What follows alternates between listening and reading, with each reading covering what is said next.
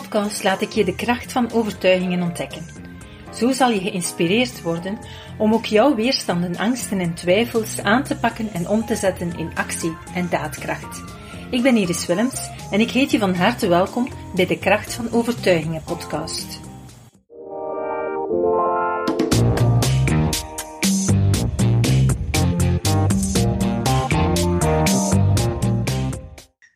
Vandaag in deze podcast gaan we een eh, gesprekje voeren met uh, Marike Schildmans, uh, die ons wat ervaringen gaat delen over het werken met overtuigingen. En ik ben zelf heel erg benieuwd wat ze allemaal aan ervaringen met, met mij en met jullie kan gaan delen. Welkom, Marike. Hallo Iris, leuk dat ik mee mag doen. Ja, heel tof. Vertel eens, jij bent al eventjes bezig met over, werken aan overtuigingen. En misschien kunnen we daar even beginnen van hoe lang ben je ermee bezig en, uh, en ja, wat heb je vooral daarmee gedaan? Ja, ik ben in augustus 2020 ben ik begonnen met, uh, met Prana. En al vrij vlot na de Jacobson ben ik met de QRB begonnen. En dat gaat eigenlijk wel goed. Ik kan diep gaan en overtuigingen diverse wel aangepakt. Uh, waarvan ik ook wel merkte in combinatie met uh, de powernap en de overtuigingen dat bepaalde dingen gingen lukken, dat het makkelijker ging, dat ik me ontspannender voelde. Maar waar ik het nu vandaag heel graag over wil hebben, is over mijn uh, jaloerse gevoelens. Okay. En um, die voel ik als heel erg vervelend. Want ik heb, eigenlijk is er helemaal geen reden om jaloers te zijn. Ik heb een prima leven, ik heb een prima partner, vier kinderen, twaalf kleinkinderen. Hmm. En toch, zeker nu in coronatijd, uh, dat er eigenlijk maar één persoon uh, bij mensen op bezoek kan kunnen, merk ik dat ik het heel lastig vind hier in de buurt. Want nou, al mijn babbelbox vrienden die weten dat ik gewoon bij Fred ben gaan wonen. En dit is mijn oude buurtje. Maar Fred heeft hier natuurlijk uh, 16 jaar gewoond zonder dat ik hier woonde. Ja. En ik merk, uh, omdat er maar één op bezoek kan, dat Fred bijvoorbeeld makkelijk even bij die buren naar binnen wipt, even bij die buren naar binnen wipt. En ik trek me steeds verder terug. Want ik denk, nou, oké, okay, dat is van hem, daar moet hij zijn. En ik heb buiten dit genoeg andere vriendinnen en zo, en vrienden. Maar dit vind ik heel erg lastig. Uh, als hij dus op terugkomt, dan zal ik even terloops vragen hoe het was. Uh, ik heb bijna de neiging om te vragen, kreeg ik de groeten? Want dan voel ik me toch die bevestiging. Maar ik merk het ook met nu in coronatijd met andere vriendschappen. Ik heb het idee, het begint me op te vallen, dat ik zelf iedere keer mensen vraag. En dat de uitnodiging van de andere kant er niet komt. En of er nou geen behoefte is, of dat weet ik niet. Dat heb ik ook niet nagevraagd. Maar het valt mij op. En, als ik... gaan ze in op jouw uitnodiging? Ja, zeker. Ja, ik kan allerlei afspraken maken. Wandelen, fietsen, eh, lunchen, bij ons thuis een hapje, bij een ander weer een hapje. Maar het initiatief ligt toch het meest bij mij. Ja. En dan denk ik van ja, eh, dan komt er zo'n stemmetje, want dat is natuurlijk de stemmetje van, de, van die uh, overtuigingen die je niet moet hebben. Um, um, ja, misschien ben je wel niet interessant genoeg en vinden ze het uh, leuker om initiatief te nemen naar andere mensen toe. Ja. En dat stemmetje begint steeds harder te roepen. En ik sla het iedere keer van me af, maar dat helpt niet genoeg. Dus ja. ik heb nu wel een aantal overtuigingen. Heb ik, uh, uh, ik had al een aantal wel geprobeerd van. Ik ben het waard dat ze mij bellen. Ik ben leuk genoeg. Ik ben goed genoeg. Uh, ik weet genoeg. Nou, allerlei dingetjes al. En um, ik had wel enorm veel um, gevoel bij één bepaalde overtuiging, complementaire overtuiging, uh, die ik in ben gaan prenten. Ja? En ik ging zitten gewoon met het gevoel van, nou ja, ik baat het niet, het schaadt ook niet. Ja? Het zal wel gaan werken, of niet. Dus ik ging rustig zitten, zo half in uh, uh, laag alfa tijdens de powernap. En ik zeg, want ik had alles geprobeerd. Ik, ik hoef niet jaloers te zijn, niet en geen. Dat kwam iedere keer aan de orde. Mm. Maar ik wist, dat zat ook in mijn achterhoofd, niet en geen moet ik niet doen. Dat is gewoon fout. Dus ik kwam op een gegeven moment spontaan op, ik kan zonder jaloezie. Ja. En ik voelde maagpijn, buikpijn. Het was enorm. Ik kan er nu nog om huilen. Ja. En ik, dat zat vreselijk diep, dat Mhm. dat gevoel daar naar voren kwam. En ehm, ik heb dat gewoon, ben dat rustig eh, blijven herhalen. Want ik wist, hè, ik had ook eens een keer met jou een, eh, een overtuiging ingeprent. En toen deed dat ook zozeer. En kwam ook verdriet. En eh, toen heb ik het dus inderdaad weer ehm, rustig eh, ja, blijven herhalen, blijven herhalen. Mhm. Ik ben dus door die pijn heen gegaan, door die pijn in mijn maag, door die pijn in mijn buik. En op een gegeven moment vloeide het weg. Mooi. En toen dacht ik van, hé, hey, nu heb ik hem te pakken. Ja, mooi. En heb je daar dan ook ehm, effect al van ervaren? Of is het eh, nog maar heel recent gebeurd? Nee, dit is eigenlijk al een paar weken. Mhm. En ehm, ik, ik had het idee dat ik er wel effect eh, van heb ervaren. Dat ik rustiger was als Fred in de buurt eventjes een, een bakje ging doen.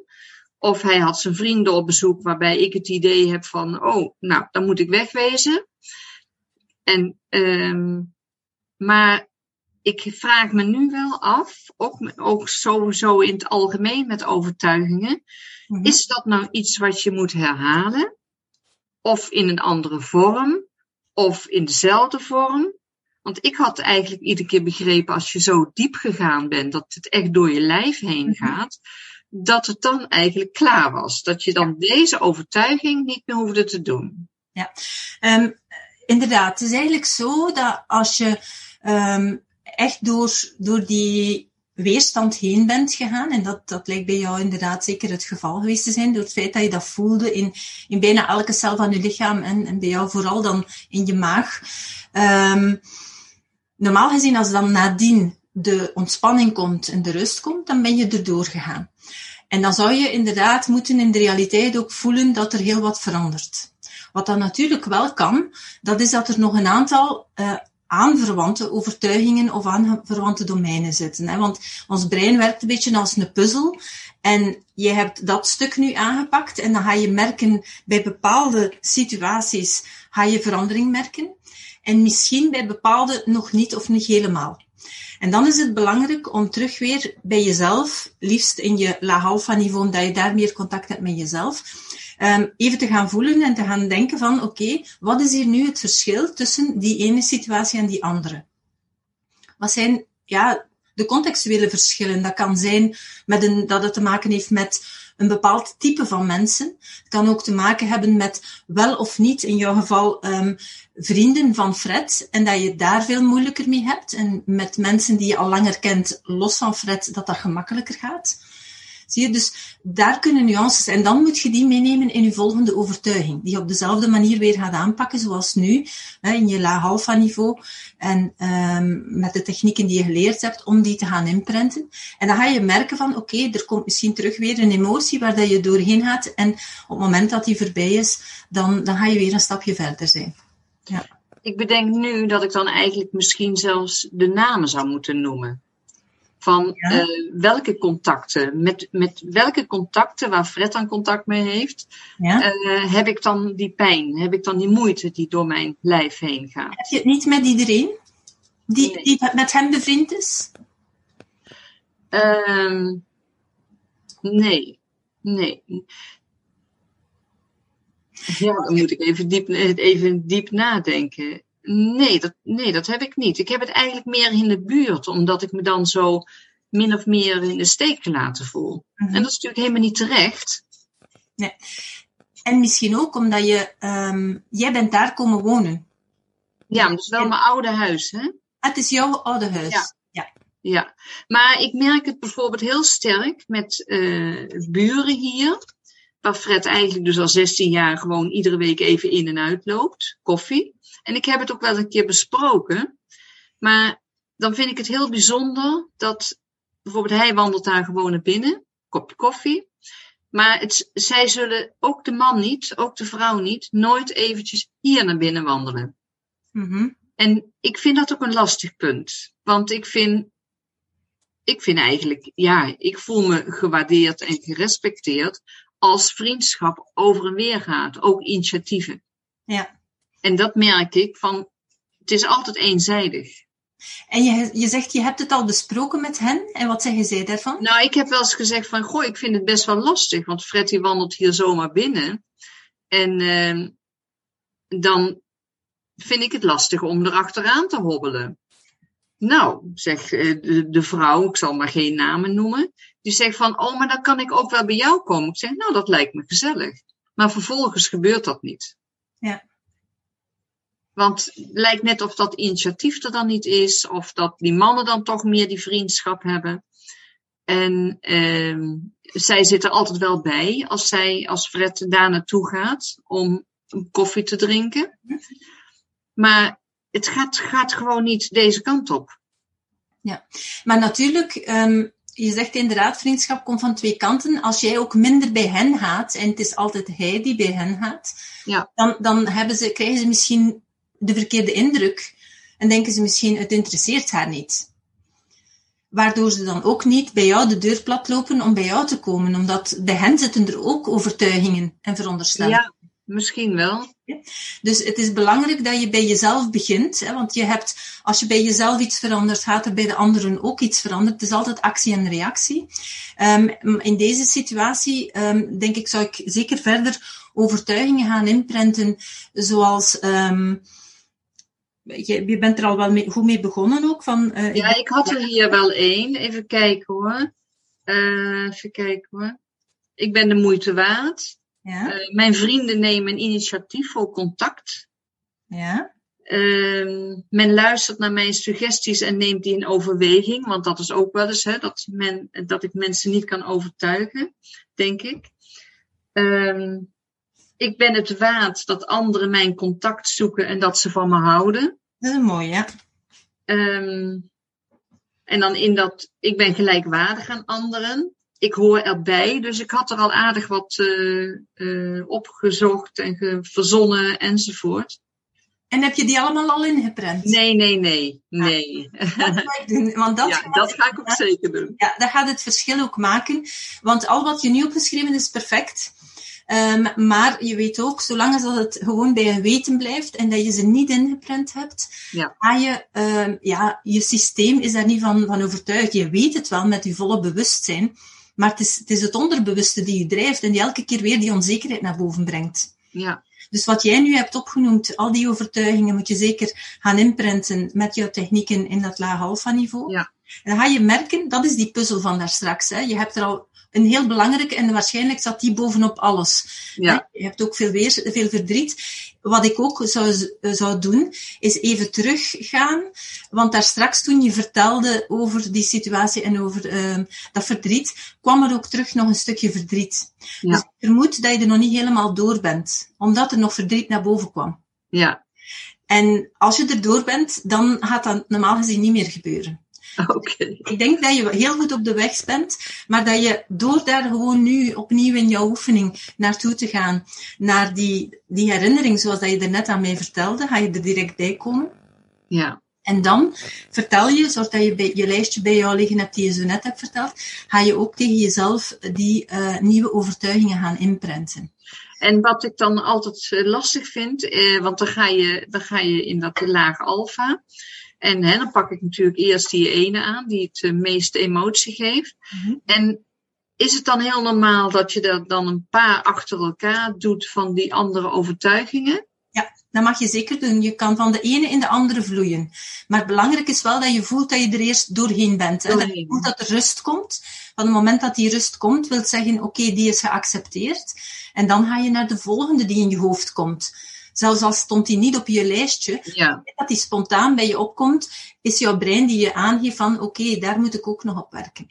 Ja, dat, dat vind ik best heel erg lastig van wanneer doe je dat nou? Er zijn ook mensen die vertellen, um, ik ga gewoon zitten zonder in laag alfa. Ik ga gewoon ontspannen zitten in de balanshouding en dan pak ik een complementaire overtuiging aan. Mm-hmm. En denk, is dat zo? Klopt dat? Ja, als je die balanshouding daarmee combineert, de, je hebt de balanshouding op zich is een techniek die eigenlijk je brein um, waarbij dat uw, um, uw, motorische brein gestimuleerd wordt, waarbij dat je door die, motori door die houding die je aanneemt en die motorische beweging, gaat uw brein eigenlijk um, ja, motorisch ook geactiveerd worden. En ons brein kan veel moeilijker in stress blijven op het moment dat je een fysieke activiteit doet. Waardoor dat je, als je dat dan combineert met de techniek van die overtuiging te gaan imprinten, ga je gemakkelijker door de stress heen gaan. Ah ja. Ja, dat is eigenlijk het achterliggend principe. Ja. ja. Nou, ik heb uh, aardig wat te doen dan. Maar je bent wel heel goed bezig. Ja, nou ja, dat hoop ik ook. En dan hoop ik ook dat er die stress afkomt van dat ik altijd maar denk dat iedereen het allemaal weer beter kan. En mooier kan. En leuker kan. Ik denk dat dat iets is wat heel veel mensen, ook de luisteraars, wel zullen herkennen. Hè? Waar dat er heel veel mensen, we denken dan van ja, ik ben nu eenmaal zo. Maar hè, je, je bent een, een mooi voorbeeld daarvan om aan te tonen van nee, het is niet zo. Um, er zijn heel wat dingen uit het verleden en, en, ja, gewoon zaken die we in ons hoofd halen, waarvan dat we denken van ik ben het niet waard. Die komen natuurlijk van ergens, maar je kan die wel gaan aanpakken. Hè. Ja, nou dat is een mooi, uh, mooi idee. Ja, maar het feit dat je voelt dat het met jou zoveel gedaan heeft en dat er ook dan nadien de rust kwam, toont aan dat je effectief verandering kan krijgen. Ja. Want anders zou er niets gebeuren, mocht het geen enkel effect hebben. Nee, inderdaad, ja. Ja, en dan, ja, dan, ik ga dat eerst doen, die overtuiging aanpakken. En misschien wel tegelijkertijd dat ik gewoon dan toch ook eens eventjes weer bij de buren binnenstap.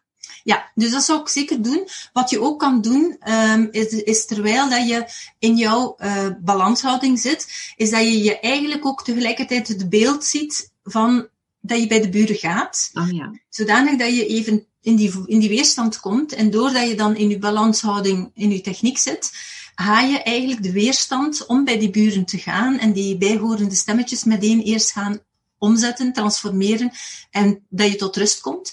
En eenmaal dat je die rust voelt bij de, de, de idee van ik ga bij die buren, en dat je daar die positieve gedachten kunt hebben, hè, terwijl dat je dat doet, en daar, daar rustig bij voelen, wel dan ga je merken, als je bij de buren gaat, dat je er ook goed bij gaat voelen. Dus dan zit het ook in jouw systeem. Ja, super. Ja. En uh, zeker en vast ook, um, ja, al die zaken van die, um, ik ben niet zo goed, of ik, ik denk dat je ook iets moet gaan zoeken um, rond het feit met, uh, met Fred erbij. Bijvoorbeeld, de buren hebben me even graag als Fred. Heb ja. je iets al gedaan? Nee, nee, eigenlijk niet. Ja. Ik ben het eigenlijk nu een beetje, een beetje van me af aan het duwen. En dat is natuurlijk niet goed. Dat ik denk van oké, dat zijn jouw vrienden, zijn jouw mensen. Nu in coronatijd kan het niet. Dus ik ben eigenlijk spoezen aan het bedenken om het niet aan te pakken. Ja, maar dat is omdat jouw weerstand er komt. Dat is een typische vluchtreactie. Ja. Dat doen we allemaal. Op momenten dat iets eigenlijk u te dicht bij een emotie brengt, dan gaan we van alles verzinnen om dat maar goed te praten waarom dat we dat dan niet aanpakken. Ja. Um, en nu ben je al heel dichtbij. Dus um, ik zou zeggen, nu moet je echt wel doorgaan. Um, dat, ga je, gaat niet veel tijd kosten. Je weet, een overtuiging aanpakken, dat gaat vrij snel. Eenmaal dat je de juiste overtuigingen, de juiste vinden, hè, dat, daarover hebben we het dan heel vaak, dat we, dat we zoeken samen naar oké, wat zijn nu de juiste overtuigingen? En eenmaal dat je die te pakken hebt en die aangepakt hebt, dan voel je wel, wel verschil. En dus dat ga je nu ook wel merken. Wat dat je nu nog gaat doen, komt bovenop wat dat je al gedaan hebt. Ja. En gaat je alleen nog maar sterker maken. Maar ik zou zeker ook die zaken erbij nemen van, um, ik ben, even graag gezien als Fred. Ik kan even sociaal zijn als Fred. Mijn buren uh, vinden het even tof dat ik bij hen binnenloop als wanneer Fred dat doet. Want ik heb het gevoel dat daar wel een beetje een bijna competitie zit ten opzichte van Fred. Zou dat kunnen? Uh, competitie, goh, dat is een woord wat ik bij Prana al heel vaak gehoord heb. Ja? Jongen, jongen, jongen. Het is bijzonder dat ik me eigenlijk nooit zo competitief vind. Met sport niet, met andere dingen niet. En bij Prana, man, man, man. Dan komt de part... Hè? Wie zegt dat dan? Want ik heb dat nog niet gezegd, denk ik. Nee, nee, nee. Het zit in mezelf. Het komt, uh, het komt naar voren. We hebben het er in de, com uh, in de community ook diverse keren wel over gehad. Ook al een keer besproken in de babbelbooks. Van dat je door, door die punten, door leaders, dat je toch een soort competitief gevoel krijgt. Mm -hmm. En ehm, ja, en nu komt het ook dus in, in dit met Fred. Dus nou. Misschien meer dan dat denkt. Meer dan dat ik ooit voor mogelijk had gehouden. Ja. ja. Dus ik denk dat ik daar ook naar eens moet gaan zoeken naar uh, overtuigingen van, uh, die mij daar vanaf kunnen helpen. Ja. Complementaire overtuigingen. Wel, dan zou ik vooral gaan zoeken uh, of gaan overtuigingen aanpakken die, uh, waar je ook wel al een stuk mee bezig bent hoor, maar die hebben vooral te maken met zelfbeeld. Hè? Want um, het feit dat je je wil gaan bewijzen of dat je wil het minstens even goed doen of dat dat in, jou, in jouw hoofd zit, ja. heeft wel te maken met een minderwaardigheidsgevoel. Ja. Hè, die eronder zit. En um, dus zaken zoals ik, ik, ik ben. Um, ik ben goed zoals ik ben. Ja. Is dat eentje die je al gedaan hebt of nog niet? Ja, dat is een goeie. Ja, die had ik geloof ik ook wel. Nou, ik ben gelijkwaardig aan anderen. Ik ja. help bijvoorbeeld ook met uitroeptekens erbij. Ik ben een goede netwerker. Want dat vind ja. ik ook een hele lastige. Ja. Um, oh ja, die had ik al gezegd. En ik aanvaard dat ik niet alles kan en moet weten. Ja. Oh, maar dat is niets erin. maar um, het, is, het is inderdaad niet altijd simpel om een, een overtuiging te gaan nee. formuleren zonder het woord niet erin. Um, soms doe ik het zelf wel, dat ik een overtuiging inprint met niet, maar dan zoek ik even, evenveel um, anderen of andere uitspraken die dan geen negatie bevatten. Ja. Maar soms um, doe ik het wel bewust, omdat ik denk van, oké, okay, ik weet nu wel wat ik ermee bedoel. Ja. Um, maar dan ga ik, soms is, de, is de, de affirmatie lijkt soms minder sterk dan de negatie. Ja. Um, ja. En daarom denk ik van, oké, okay, als ik weet dat het een negatie is en ik besef ze ook dat als dusdanig, dan, dan weet ik ook wel wat ik mezelf aan het inprenten ben. Dus daarom doe ik het dan wel.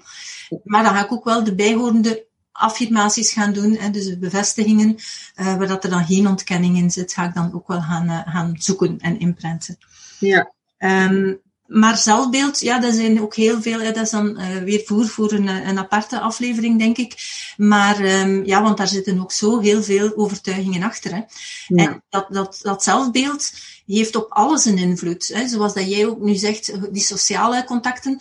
Veel mensen staan er niet bij stil, maar dat, dat stemmetje in ons die altijd denkt van ik ben minder waard en de anderen zijn beter en ze weten ze zijn vlotter en ze praten vlotter enzovoort. Het zijn allemaal stemmetjes in ons hoofd die ons saboteren. Terwijl hey, we zijn nu in gesprek en je bent heel vlot en, en heel uh, enthousiast en je hebt heel veel dingen te vertellen. Dus rationeel weet je dat zelf ook wel. Ja, ja. Maar het gaat ik, moet, ik wil iedere keer dat bewijs. Ik wil iedere keer die bevestiging van het is goed. Ja. Ik heb zelfs met vrienden, waar, eh, vanmorgen ben ik dan met iemand weg geweest en die heb ik al vaker gesproken. En dan heb ik van tevoren toch wel het spanningsveldje, het, uh, het stemmetje in mijn hoofd van, hmm, zou, zouden we het wel leuk genoeg hebben? Ja, dus eigenlijk ook daar, je moet, er zit in jouw hoofd ergens ook een stemmetje die zegt van, ik moet zien dat ik entertain en dat ik... Ja. Is het zo? Ja. Ja. Terwijl als een ander gewoon niets te vertellen heeft, dat maakt me helemaal niet uit. Nee. Dan ben ik rustig. Ja. Schrijf misschien ook eens op om in te prenten. Um, um, ik, kan ook, uh, samen, ik kan ook samen met anderen genieten van stiltes. en anderen appreciëren dat ook. Mijn aanwezigheid op zich is al belangrijk. Ik hoef niet altijd de tijd, de, de momenten in te vullen zelf. Hè. Dus ik kan ook de ruimte laten voor het um, ja, spontaan laten ontstaan van iets bij anderen. Ja. Ja, ja ik, en ik merk wel dat ik ook wel vragen kan stellen en kan luisteren. Dus ik kan best wel vragen stellen en dat ze me antwoord geven. En dan gaan we daar weer dieper op in. Mm-hmm. En dat vind ik prima. Dat is ook leuk. Ja. Maar dat, daar zit inderdaad wel iets meer onder. Ja, wat ik ook, um, voor de luisteraars zal dat natuurlijk niet zo bekend zijn, uh, al die technieken waar we het over hebben, maar ik vind het wel belangrijk om het aan jou toch ook mee, mee te geven. En voor de luisteraars die wel de technieken al kennen, um, is het toch ook een, uh, een stimulans. Um, wat, wat ik hier ook zou doen, is de combinatie maken met naar je innerlijk kind gaan. Dus ook via de techniek van het laag alpha niveau. en daar met je innerlijk kind er gaan een gesprekje mee voeren en het allemaal um, laten ervaren en, en voelen dat het goed is en dat je graag hebt dat het er is en dat het interessant is en dat het ook mag stil zijn en mag luisteren, uh, maar dat, ja, dat anderen en jijzelf het interessant vinden. Um, dat innerlijk kind is jouw innerlijk kind, hè, is, is jouw beleving als kind in feite, um, die er nog altijd is. En waar dat jij waarschijnlijk, als je klein was, door welke omstandigheden ook, het gevoel hebt gehad van ik hoor er niet bij, of toch minder. Is dat iets wat je herkent, er niet bij horen? Uh, nee, maar ik wilde me wel, want ik heb dat innerlijk kind ook diverse keren wel gedaan. En dan denk ik van, er zijn niet zoveel problemen met mijn innerlijk kind, maar wel uh, dat ik bijvoorbeeld, uh, wat ik wel op een gegeven moment naar boven kreeg, uh, bijvoorbeeld op de school, op de middelbare school, met een feestje dan, en dat je niet bij de toppers hoort, daartussenin. Bij de koppels? Bij de toppers.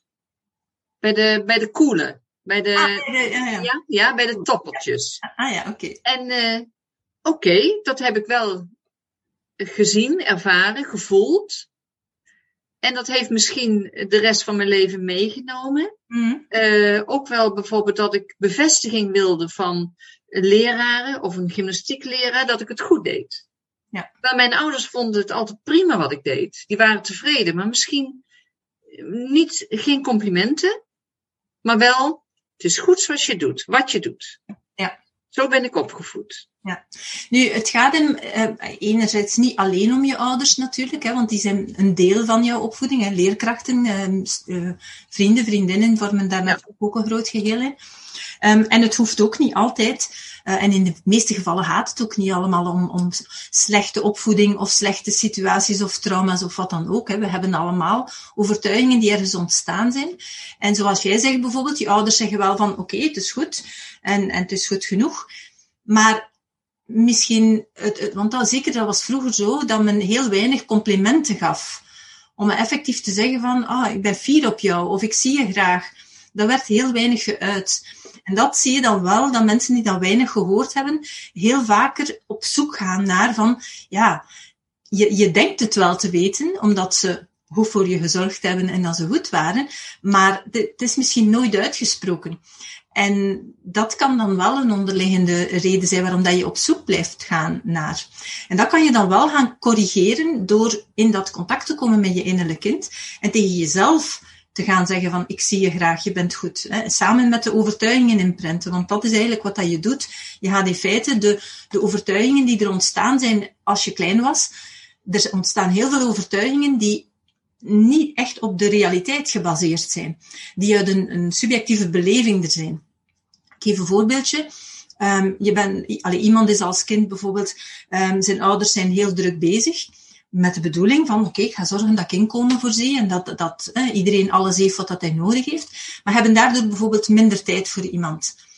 En dat kind, op dat moment, die heeft, voelt zich bijvoorbeeld heel slecht. Er is iets gebeurd op school of wat dan ook. En die heeft nood aan een knuffel, aan wat aandacht of aan te vertellen.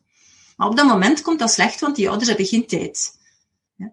Wel, dat is voldoende om op dat moment bij dat kind in dat onderbewustzijn een overtuiging te gaan creëren van, zie je, ik ben, ik ben niet goed genoeg voor een, allez, ik ben niet interessant. Ja. En ja. dat heeft dan niet echt met een trauma te maken, maar dat zijn wel overtuigingen die kunnen ontstaan zijn. En heel vaak ontstaan die omdat uh, op zo'n moment, in die, zeker in die, in die kinderleeftijd, heb je niet het rationele verstand om dat te gaan nuanceren. Of om te gaan zeggen, ja, maar mijn ouders die werken wel heel hard voor mij, om te zorgen dat ik van alles kan, kan krijgen en kan doen. Op dat moment ga je dat niet zo beredeneren. Nee. Ja, het is puur de emotie die, op, die opgeslagen wordt, de beleving, en daar komt een, ja, een overtuiging uh, uit voort. En die blijft voortleven in Hans je leven. En als je volwassen bent en je staat daar wat meer bij stil, dan ga je dat beseffen dat dat niet alleen dan op één situatie, maar dat dat eigenlijk in heel veel situaties van je leven speelt. Ja. En daarom is het zo belangrijk om dat aan te pakken. Want zoals jij zegt, het speelt nu, het komt u nu um, duidelijk voor ogen door de corona en doordat je in dat isolement zit. Maar het is niet iets van nu, het is al nee. veel langer. Dat klopt, ja. Ik, ik, zie wel, ik zie wel allemaal een lijntje zo van, oh ja, en dit en toen en dat en daar. Dat ik me ook best wel vaak met bijvoorbeeld een feest of zo, weet je, dat je je heel eenzaam kunt voelen. Ja. Dan hebben dat wel heel veel mensen. Mm-hmm. Maar dat, ja, dan moet je er even doorheen om het naar je zin te hebben, om je daar te ontspannen. Klopt. Um, dat doet mij, ik heb dat al misschien even verteld, ik weet het niet. Um, maar één, dat is ook eentje die ik zelf heb meegemaakt. Um, toen ik jaren terug, ik ging mee met een, een groep van allemaal HR-medewerkers, HR-medewerkers, op een congres. En uh, op het moment dat we daar uitstapte. dat was een driedaagse in het buitenland. En er was altijd, een tweede avond, was er altijd met een gala-diner. Dus we gingen met de bus met de ganse groep. Er was een, een vierhonderdtal mensen aanwezig, dus een ganse groep. Um, de meesten kenden elkaar niet, of wel een aantal, maar niet iedereen alleszins. En we stapten uit, we gingen dan ook um, ja, met bussen daar naartoe. En um, we stapten uit de bus, we gaan naar dat restaurant. En er overvalt mij zo een enorm gevoel van, wat ben ik, wat doe ik hier? Waarom ben ik hier? Wie is er hier nu geïnteresseerd in mij? Ik heb niets interessants te vertellen, zie je? Dus dat eigenlijk ja. dat jij ook een stukje zegt. Ja. En op dat moment, ja, je duwt dat weg en je hebt wel wat, wat, wat geleerd om dat proberen niet te veel bij stil te staan. Je probeert zo snel mogelijk met iemand in gesprek te komen. En eenmaal dat je in gesprek bent, heb je dat een beetje naar de achtergrond. Ja. Hè? En dat deed ik ook. En het tweede jaar ging ik terug weer mee met dat congres. En ik kwam terug weer op dat gala-diner en weer identiek datzelfde gevoel. Oh. Toen dacht ik, oh, dit wil ik kwijt. Natuurlijk, op dat moment kon ik niets doen, want je zit in, in volle uh, tussen de mensen. Maar toen dat ik terugkwam, s'avonds op mijn hotelkamer, heb ik de techniek toegepast. Combinatie van het innerlijke kind met de balansmethode. Om bij mezelf naar dat gevoel te gaan en dat te gaan uh, corrigeren. Dus eigenlijk tegen mezelf te gaan zeggen van je bent wel interessant, je hebt wel interessante dingen te vertellen en de mensen hebben wel graag dat je erbij bent. En toen kwam er heel veel verdriet naar boven en plots herinnerde ik mij, want ik wist totaal niet van waar dat het kwam, en plots herinnerde ik mij dat dat eigenlijk kwam omdat ik, um, ik ben een nakomertje, hè, mijn, mijn zus is zes jaar ouder, en um, mijn zus had, heeft eigenlijk altijd zo'n beetje een jaloerse houding tegenover mij gehad. Moest die kleine hier nu zijn, ay, van, vanuit enig kind naar ineens alles moeten delen. Ja. En um, ik heb dat toen beleefd als zijnde, ik ben niet welkom. Oh. Zie je? En dus door dan dat in te zien, ben ik dan aan de overtuiging ook gaan werken. En die kan voor jou misschien ook interessant zijn en misschien ook voor een aantal luisteraars. Ik ben welkom. Ik ben welkom in het leven. En heb je daarna, doordat je het hebt uh, uh, gedaan met die overtuiging enzovoort, ging dat ook weg, dat gevoel? Ja, en vanaf het jaar nadien ben ik dan teruggegaan. En Ja. toen, um, toen had ik eigenlijk, ja, we, gingen er, we stapten uit en ik had dan niet meer dat gevoel. En sindsdien heb ik nog meermaals dergelijke zaken gehad en is dat niet meer teruggekomen. Nee, geweldig. We staan daar heel vaak niet bij stil, maar er zijn heel veel mensen die soms door uitspraken Um, ik was bijvoorbeeld ook een ongelukje. Hè. Het was niet gepland dat ik er ging zijn. Oh, ja. Dus dat, dat zijn, nogthans, ik heb een goede opvoeding gehad. Maar in je onderbewustzijn als kind en door de dingen, de verhalen die je hoort of de reacties die, die er dan zijn. En mijn ouders zeiden dat zo een keer tussendoor. Van ja, ja, je, werd, uh, je had een goede wil, want uh, we, wilden, we waren eigenlijk niet gepland, maar je bent er toch gekomen. Zie je? En eigenlijk je neemt dat dan wel op, maar ondertussen zit dat misschien wel in je onderbewustzijn. Ja. En door dan aan overtuiging te werken, ik ben welkom in dit leven. Uh, men, ja, mensen zien mij graag. Uh, ik ben interessant, ik ben gewenst. Ja, dit herinnert mij ook aan dat ik, toen ik geboren was, ik ben op de dag uh, van de verjaardag van mijn vader geboren. Hmm. En er was nog geen naam voor mij. Ik was het derde meisje. Hmm. En dat kan misschien ook een rol hebben gespeeld, zo'n opmerking. Absoluut. Er waren nog geen naam voor jou. Dan, ja. dan voel je je ook niet welkom. Nee, klopt. Zie je, en dat zijn zo kleine ja. Zaken die eigenlijk in het onderbewustzijn van een kind blijven hangen.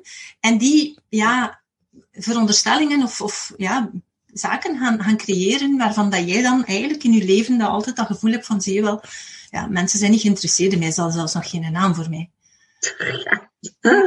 Nou ja, goed Terwijl dat niet waar is natuurlijk. Met je verstand weet je dat dat niet klopt. Maar, maar het gaat niet over het rationele. Het rationele heeft daarbij eigenlijk weinig te zeggen. Het gaat over het onderbewustzijn. Ja. En dus zou ik zeker, uh, zeker inprenten en in dat laag niveau gaan. En ik ben welkom in dit leven. Ja. Heel goed dat prana er is. Dankjewel. maar je bent heel goed bezig en het is ook leuk in de Babbelbox als je er bent. Uh, hebben de mensen ook heel veel aan jou. Dus daar mag je zeker niet aan twijfelen.